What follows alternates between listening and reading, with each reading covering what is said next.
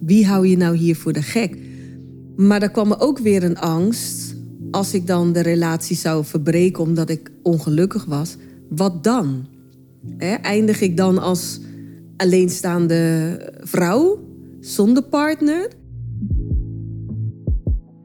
Het is tijd dat je afscheid gaat nemen van het oude denken.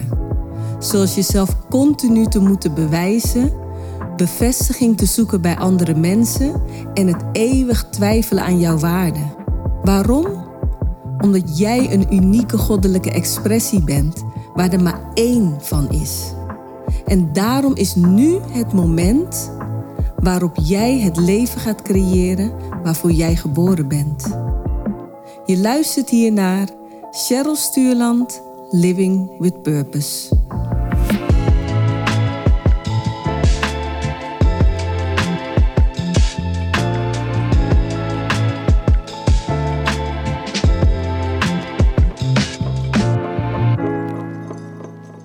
Denk dat ik pas sinds een jaar of vijf goed begrijp wat de werkelijke betekenis is van relaties. En dan heb ik het over relaties in de breedste zin van het woord. Dus ook je collega's, uiteraard je partner, je kinderen. Iedereen waarmee je in feite te maken hebt. En zeker mensen die een, een emotionele respons bij je oproepen, waardoor je getriggerd wordt. En als je het hebt over partnerrelaties, heb ik heel lang van kleins af aan daar wel een ideaalbeeld bij gehad. dat een partner zou dan de reden moeten zijn van mijn geluk. Die was zeg maar, stond symbool voor dan ben je gelukkig. Als je een partner hebt gevonden die bij je past, waarmee ik een gezin zou kunnen starten, dan had ik dat ultieme geluk. En het kan niet verder wegstaan van de absolute waarheid. En hoe ben ik daar nou bij gekomen dat ik uiteindelijk ontdekte wat de werkelijke betekenis was van relaties? Uh, simpelweg door te gaan ontdekken dat relaties dus niet gelukkig maken. dat begon natuurlijk bij mijn partner hiervoor. Ik ontmoette hem toen ik 25 was en voor mij was dat ook wel een, moment in mijn leven waarop ik verlangde naar bepaalde stabiliteit, uh, zekerheid. Ik had daarvoor uh, relaties gehad, maar die waren altijd aan-uit uh, relaties, vele daarvan dan in ieder geval. En ik was op dat moment echt op zoek naar die stabiliteit. En je moet zien dat ik vanuit mijn idee was een relatie was dan ook altijd van oké, dan ben je geslaagd. Weet je, dat is een succesvol mens zijn. dat je een relatie hebt en dat diegene de vader wordt van jouw kinderen. Dat in mijn optiek was dat het ideaalbeeld wat je na moest streven. Dus ja, daar hoorde dan ook een partner bij, anders was ik niet geslaagd. Dat was mijn idee ervan. Dus toen ik hem ontmoette, weet ik nog dat ik echt zoiets had van: oh wauw, hij, is, hij heeft alles wat in potentie mijn ideale partner zou kunnen zijn waarmee ik een gezin ga starten.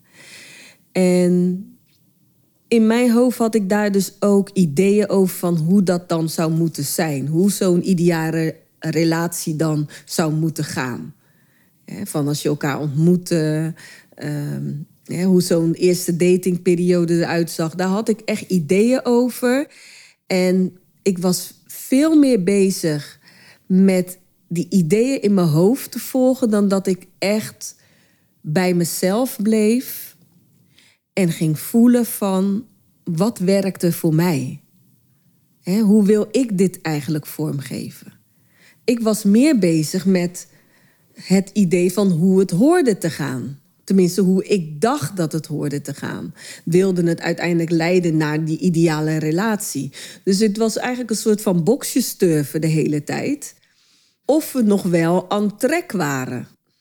En geen moment dat ik op dat moment bij mezelf heb stilgestaan van Cheryl. Maar hoe voelt dit nou voor jou? is dit de manier wat bij jou past? En ik weet nog dat we bijna een jaar samen waren. En dat ik zoiets had van ja, we zijn bijna een jaar samen. En dat betekent dus dat we zouden moeten samenwonen. Want dat is wat je doet als je een serieuze relatie hebt. Als je serieus iets gaat opbouwen samen. En ja, ik wil niet zeggen dat dat out of the blue kwam, want ik was daar al dagelijks. Maar het, het was meer de manier waarop. Weet je, dat jij dan een soort van bepaalt van het moet zo gebeuren.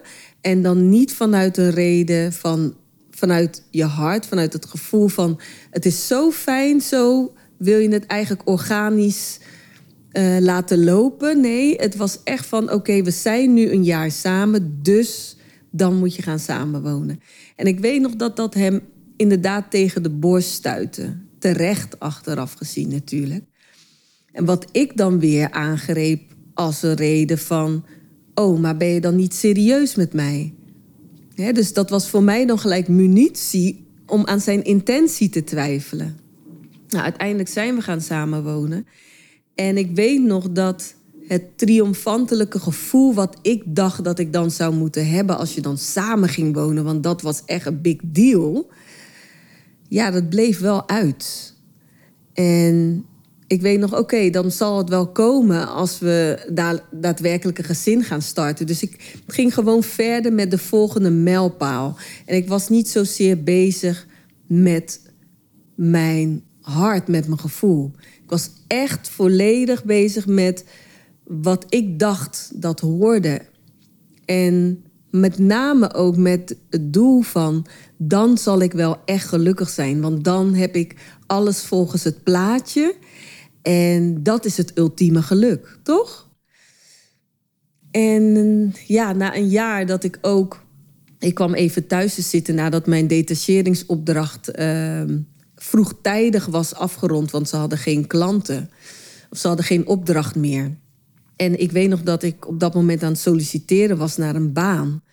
En ik heb altijd geweten dat ik wilde ondernemen. Dus voor mij was die baan slechts een tijdelijk iets zodat ik een vaste uh, inkomen had. Want ik was al heel strategisch bezig van, oh ja, ik heb wel een vaste inkomen nodig. hoef ik me daar geen zorgen over te maken.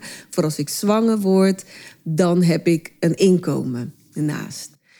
En ja, natuurlijk ook met mijn partner. Die had natuurlijk ook een inkomen. Maar goed, we waren gewoon met z'n tweeën. En dat deden we dan ook met z'n tweeën.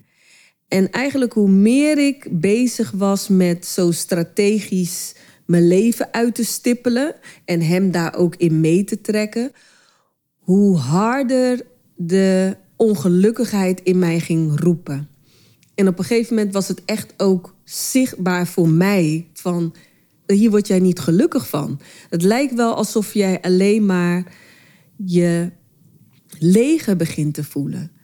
En ik dacht ook van ja, misschien moet ik maar opschieten met dat kind krijgen, want dat zal dan wel leiden naar dat gevoel van geluk. En ik weet nog dat ik ontzettend geworsteld heb met mezelf daarmee, omdat ik dacht van. Ergens dacht ik, het kind kan de oplossing zijn, maar tegelijkertijd had ik zoiets van: wie hou je nou hier voor de gek? Maar er kwam ook weer een angst als ik dan de relatie zou verbreken omdat ik ongelukkig was. Wat dan? Eindig ik dan als alleenstaande vrouw zonder partner? Dus al die angsten kwamen naar boven die mij dus klaarblijkelijk in de greep hielden. En dat was eigenlijk dus de drijfveer. Dat ik zo zou eindigen was zeg maar mijn doemscenario, de worst case that could happen. En dat probeerde ik dus eigenlijk mezelf van te behoeden en, maar is dat dus een drijfveer? Is dat dan de reden waarom je dus in deze relatie moet blijven zitten? En tegelijkertijd kwam er dus ook weer van, ja, maar hij is ook weer hierin meegegaan. dan moet ik hem nu pijn doen, verdriet doen, teleurstellen. Ja, dat kwam er dus nog eens bovenop. En al die gedachten, die hielden mij, de, ja, ik denk wel twee maanden, drie maanden bezig. En met niemand deelde ik dit, want dit was echt gewoon mijn ja, innerlijke nachtmerrie, kan ik het wel noemen. En ik weet nog dat wij naar de sauna waren geweest in Amsterdam. En wij reden terug. En ik was aan het rijden en ik weet nog dat ik opzij keek naar hem. En dat ik ergens een soort van herkenning zag in zijn ogen van... Is dit het nou? En ik had zoiets van, volgens mij is hij ook niet gelukkig met deze relatie. En dat greep ik dus aan om, ja, om het gesprek te openen. van, dus toen, ik, toen we thuis kwamen, weet ik dat ik tegen hem, dat ik hem vroeg van, joh, wees eens eerlijk en ben jij wel gelukkig in deze relatie? En ik weet dat zijn antwoord was, ik ben niet ontevreden. En nou ja, voor mij was dat een manier waarop hij antwoordde. Hij was minder direct als dat ik dat zou zijn in communicatie. Dus ik zag dat als nee, ik ben ook niet gelukkig in deze relatie. Tegelijkertijd waren we erg gehecht aan elkaar. En als mens had ik hem zo ontzettend hoog zitten. En zoveel respect voor hem als persoon. En hoe hij mij eigenlijk altijd in alles wat ik deed, altijd zo supportte. En ja, echt voor mij was en echt liefdevol altijd met mij omging. En dat was ook wat ik voor mezelf graag wilde. Alleen, dit was niet het moment, dit was niet de persoon. Het was niet de manier waarop het moest gaan. Ik moest echt weer terug naar mijn kern. En wie was dan mijn kern? Hè? Ik, als deze persoon en hoe hij met mij omgaat mij niet gelukkig kan maken, wat dan wel?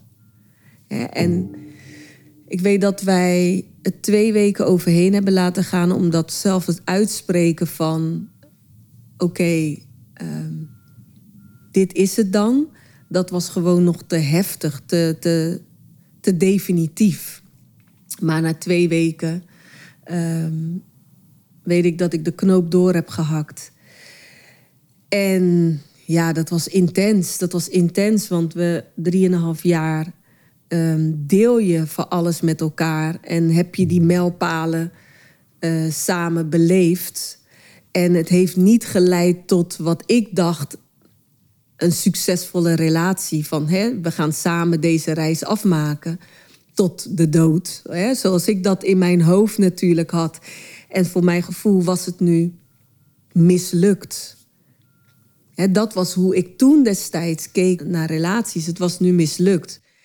Bovendien, ik had geen perspectief. Hè? Wie zegt dat ik nog zo iemand tegen zou komen? Dus ik heb die maand na dat besluit heb ik kwam uit mijn werk en ik ging gewoon regelrecht mijn bed in. En we woonden toen bij in een van, een van de mooiste appartementen van Rotterdam.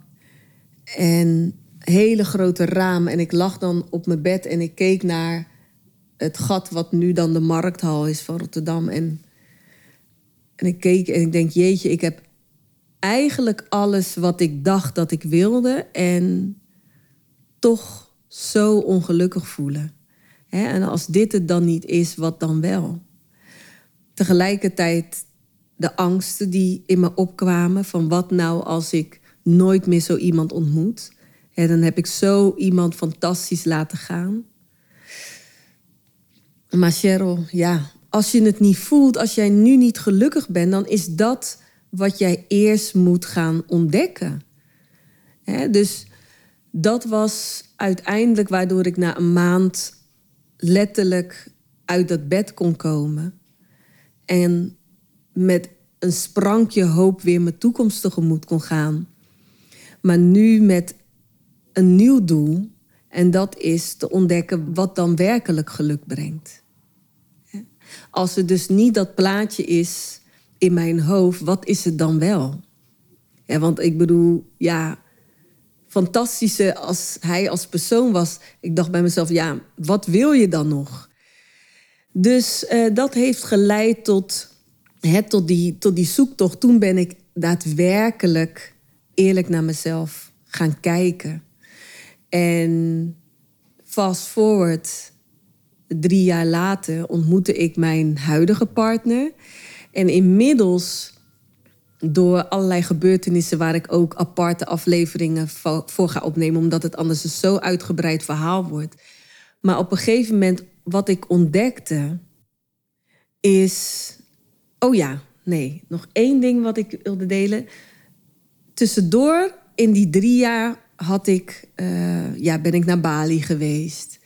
Nou ja, ben ik de ene na de andere boek gaan lezen. Ik heb in dat jaar zeker wel 30 tot 40 boeken geconsumeerd. En het ene boek leidde elke keer naar het andere boek. Het, werd, het was een soort van organisch kwam altijd het volgende boek wat ik net nodig had. De vraag die ik had in mezelf. En ik weet nog dat ik iemand leerde kennen via in het uitgaansleven. En dat hij op een gegeven moment was ik met hem. En hij zei iets, ik weet niet meer wat hij zei, maar op, op een gegeven moment herkende ik gewoon dit hele tafereel. En ik zei tegen hem: Ik heb jou al eerder gedate. en het was zo overduidelijk dat ik hem al eerder had gedate. Al meerdere keren. Niet hij als persoon, maar dat soort type persoon. En ik zag gewoon nu wat mij elke keer tot dat soort personen bracht. Wat de aantrekking was. Ik was toch op zoek naar bevestiging van buitenaf. Dat ik, eh, dat ik goed genoeg was. Dat ik ehm, bijzonder was. Dat ik geliefd met name was. En dat type soort persoon, die leek heel erg op mijn vader. Emotioneel niet echt bereikbaar voor mij. En daar moest ik dan hard voor werken om diegene's aandacht te krijgen. En dat was dan de accomplishment, dat was dan het doel. Weet je wel, van diegene's aandacht zo veel mogelijk krijgen, zo lang mogelijk weten vast te houden. En in dat moment zag ik dat gewoon weer. Dat ik niet heb gehad tijdens de relatie daarvoor. Hè? Maar dit was eigenlijk het type profiel wat ik daarvoor deed, voor die lange relatie. En dat was zo'n enorme eye-opener. Zo'n enorme eye-opener, omdat ik zo wist dat ik dat nooit meer wilde. En ik besefte opeens van, ik hoef niet meer te vechten voor die aandacht. Ik heb hier helemaal geen zin meer in om te vechten voor die aandacht. Zeker niet na de relatie die ik hiervoor heb gehad. Want juist doordat ik die relatie met hem heb gehad, was die lat zo hoog. En nu na, het was de tweede date met die gast, dat ik dacht, ja, dag, ik ga echt niet meer lopen bedelen en zeuren en leuren en mezelf in allerlei hoeken en anders voordoen, ingewikkeld doen. Ik heb hier helemaal geen zin meer in. Het hoeft ook helemaal niet. En dat was voor mij denk ik wel de eerste moment dat ik besefte dat inderdaad een relatie of zo'n contact al, een date, dat dat een spiegel vormde. Dat was gewoon een spiegel om mij iets duidelijk te maken. En ik was me daar zo op dat moment bewust van geworden. Deze relatie of dit contact met deze man maakt mij iets duidelijk over mezelf. Waar ik dus klaarblijkelijk naar op zoek ben, wat ik continu blijf herhalen. En op dat moment besloot ik dus van dit niet meer. Hier heb ik gewoon geen zin meer in. Ik ben meer waard dan dit. En daar, daar stopte het ook gelijk. En dat is voor mij het moment geweest dat, denk ik, die, dat patroon van het aangetrokken voelen tot een bepaald type soort man ophield te bestaan. Dus toen mijn huidige partner in mijn, toen ik hem ontmoette, en daar komt ooit nog wel een aflevering van, was er in mij niet meer het gevoel of de behoefte van deze persoon, zijn aandacht heb ik nodig voor mijn eigen waarde. Om mij goed te voelen, geliefd te voelen. Ik verlangde nog steeds naar een partner, omdat ik nog steeds verlangde naar een gezin, maar niet meer met als doel van dat gaat mij gelukkig maken. dus dat die shift had ik al gemaakt toen ik mijn huidige partner leerde kennen. En inmiddels, gedurende onze relatie, besefte ik wel dat waar hij mee struggelde, daar kon ik hem heel goed bij helpen. En wat ik nog mocht leren en zien, dat kon, spiegelde hij heel mooi naar mij terug. Dus het werd mij zo duidelijk dat relaties als doel hebben om jou te helpen groeien. dus je, eh, je ontmoet in je leven meerdere relaties ga je hebben. Ook bijvoorbeeld met collega's. Wederom, het is een breder begrip dan slechts een partnerrelatie. En nu heb ik een voorbeeld aangedragen van een partnerrelatie, een eh, intiemere relatie.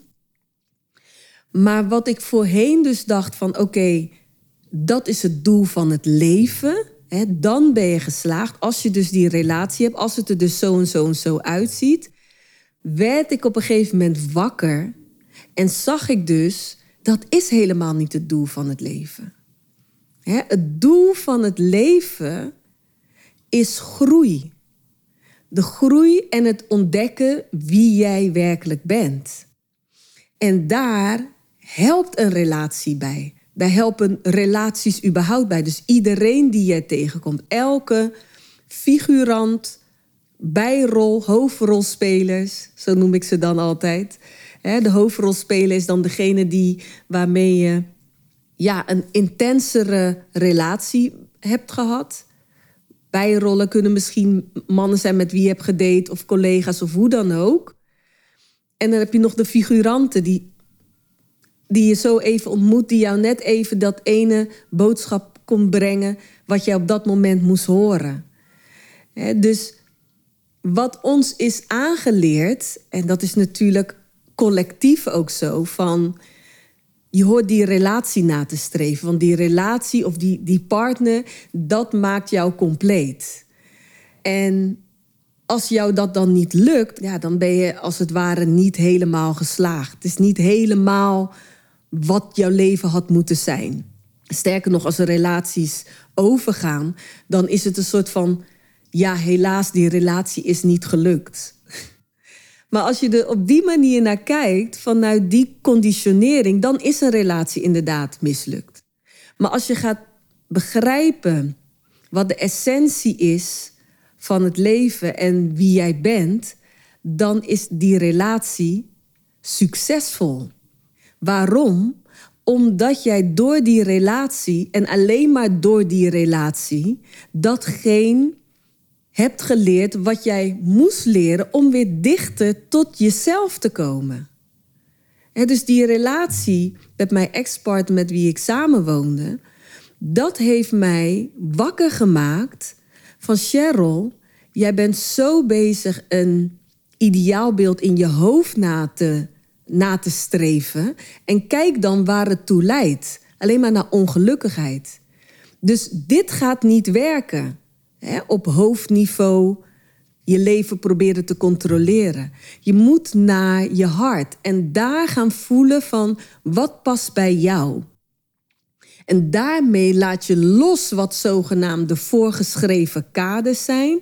Het voorgeschreven ideaalbeeld, of wat de, laten zeggen, collectief wordt gezien als het ideaalbeeld.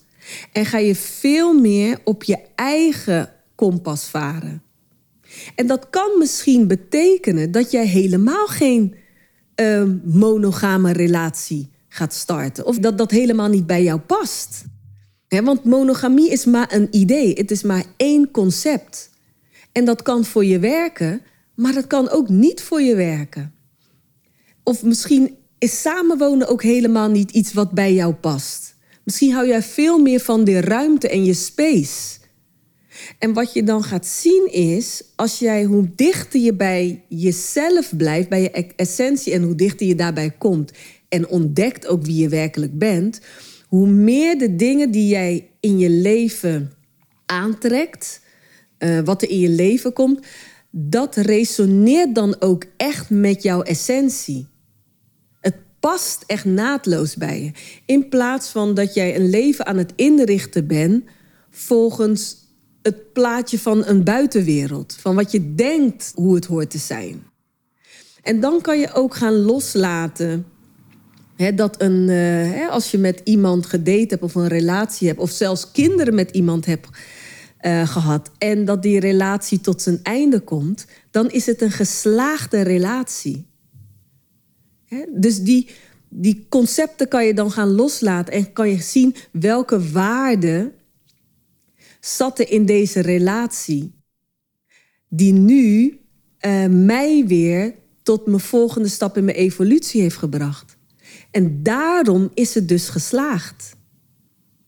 En zo, als je op deze manier gaat kijken, dan hoeft een relatie dus ook niet, of laat zeggen, het eindigen van een relatie, hoeft daardoor ook niet tot ruzies te leiden of zeer pijnlijk te zijn. Als jij zo op die manier gaat kijken, dan kijk je meer naar welke rijkdom, welke geschenken hebben wij elkaar geboden. Want dat was dus de purpose van deze relatie. In sommige gevallen is het dus het krijgen van een kind. En van daaruit scheiden onze wegen weer. En ik weet dat er een, dat er een soort van idee nog steeds leeft van dat kinderen speciaal moeten worden opgevoed door de ouders, de biologische ouders. Maar dat is ook maar omdat er op een bepaalde manier naar gekeken werd. Want mijn ouders zijn uit elkaar gegaan toen ik een jaar of twee was. Maar omdat zij dat zo zonder ruzies hebben gedaan. Het was nooit een. Hè, was mijn. Ik weet, mijn, mijn, mijn moeder heeft het geïnitieerd, de relatiebreuk.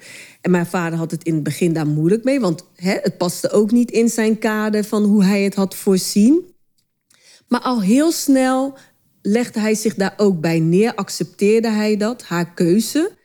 Want zij wilde vooral mij zo liefdevol mogelijk opvoeden.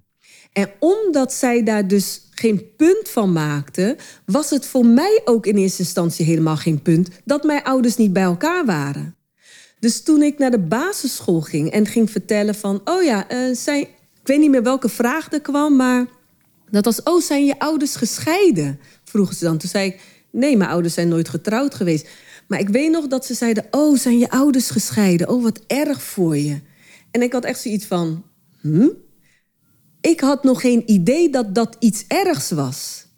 dus naarmate men op die manier erop reageerde, ben ik in mijn hoofd ook weer een nieuw verhaal van gaan maken. Van, oh, klaarblijkelijk is het dus erg dat je ouders gescheiden zijn. maar mijn beleving daarvoor was helemaal niet zo. Ik had gewoon twee ouders die van mij hielden, punt.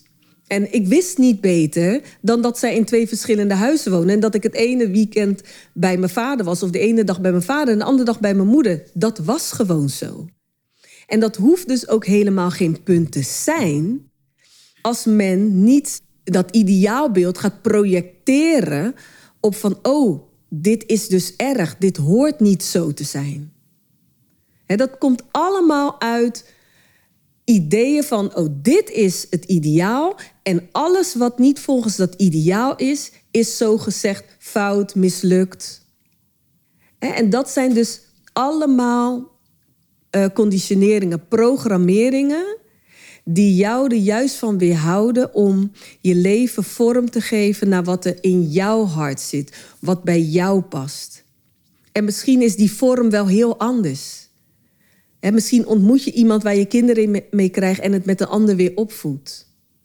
dus je ziet ook steeds meer dat mensen die vormen aan het loslaten zijn. Alleen zie je nog wel dat daar nog heel veel stigma op zit van ja, het is toch niet gegaan zoals de bedoeling was. Ja, maar welke bedoeling? Het is een verzonnen bedoeling. Want als we gewoon kijken naar wat is en we gewoon in liefde met elkaar kunnen zijn, is er helemaal geen probleem. Dus in mijn huidige relatie begrijpen wij alle twee dat een relatie geen gevangenis is en geen doel op zichzelf maar een middel om te groeien. Wij reizen samen en totdat waar wij kunnen groeien met elkaar, zullen wij met elkaar blijven reizen. En tot nu toe groeien wij en beleven wij nog steeds een hele vervullende reis met elkaar. Op dit moment is er geen van ons die daar anders over denkt. Maar omdat wij er zo in staan, is er dus die vrijheid, die ongelooflijke vrijheid, wat onze natuur is overigens. Dat wil zeggen dat als een van ons daar op een andere manier naar kijkt, dat dat normaal is. Dat is je natuur. Als het op een of andere manier niet meer resoneert samen, dan is dat normaal dat elkaars wegen gaan scheiden. Voor nu voorzien wij dat niet. Hè? Nu kan ik me niet voorstellen dat ik met een andere persoon zal zijn als met mijn huidige partner. Maar wij leggen elkaar geen claim op. Het is geen gevangenisrelatie. Het leven is een reis en een groei van de ziel. En wat daarbij ondersteunend is, dat zal met jou zijn tot het niet meer ondersteunend is. En als je dat begrijpt, ten diepste begrijpt, dan snap je dat iedereen een liefdevolle partner is in jouw groei.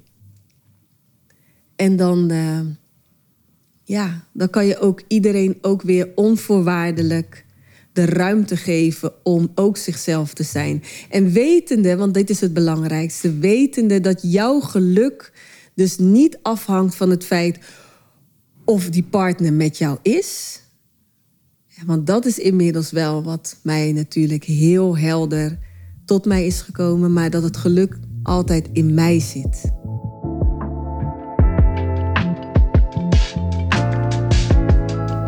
Waar voel jij je na deze aflevering toe uitgenodigd? En hoe zou jij nog meer expressie kunnen geven aan jezelf? Deel dit met mij via mijn social media kanalen of in een persoonlijk bericht aan cheryl.cherylstuurland.nl. Door op de volgknop te drukken ben je altijd op de hoogte wanneer er een nieuwe aflevering voor jou klaarstaat. Dus vergeet dat niet te doen. En dan zeg ik voor nu Dankjewel Purpose People voor het luisteren en till next time.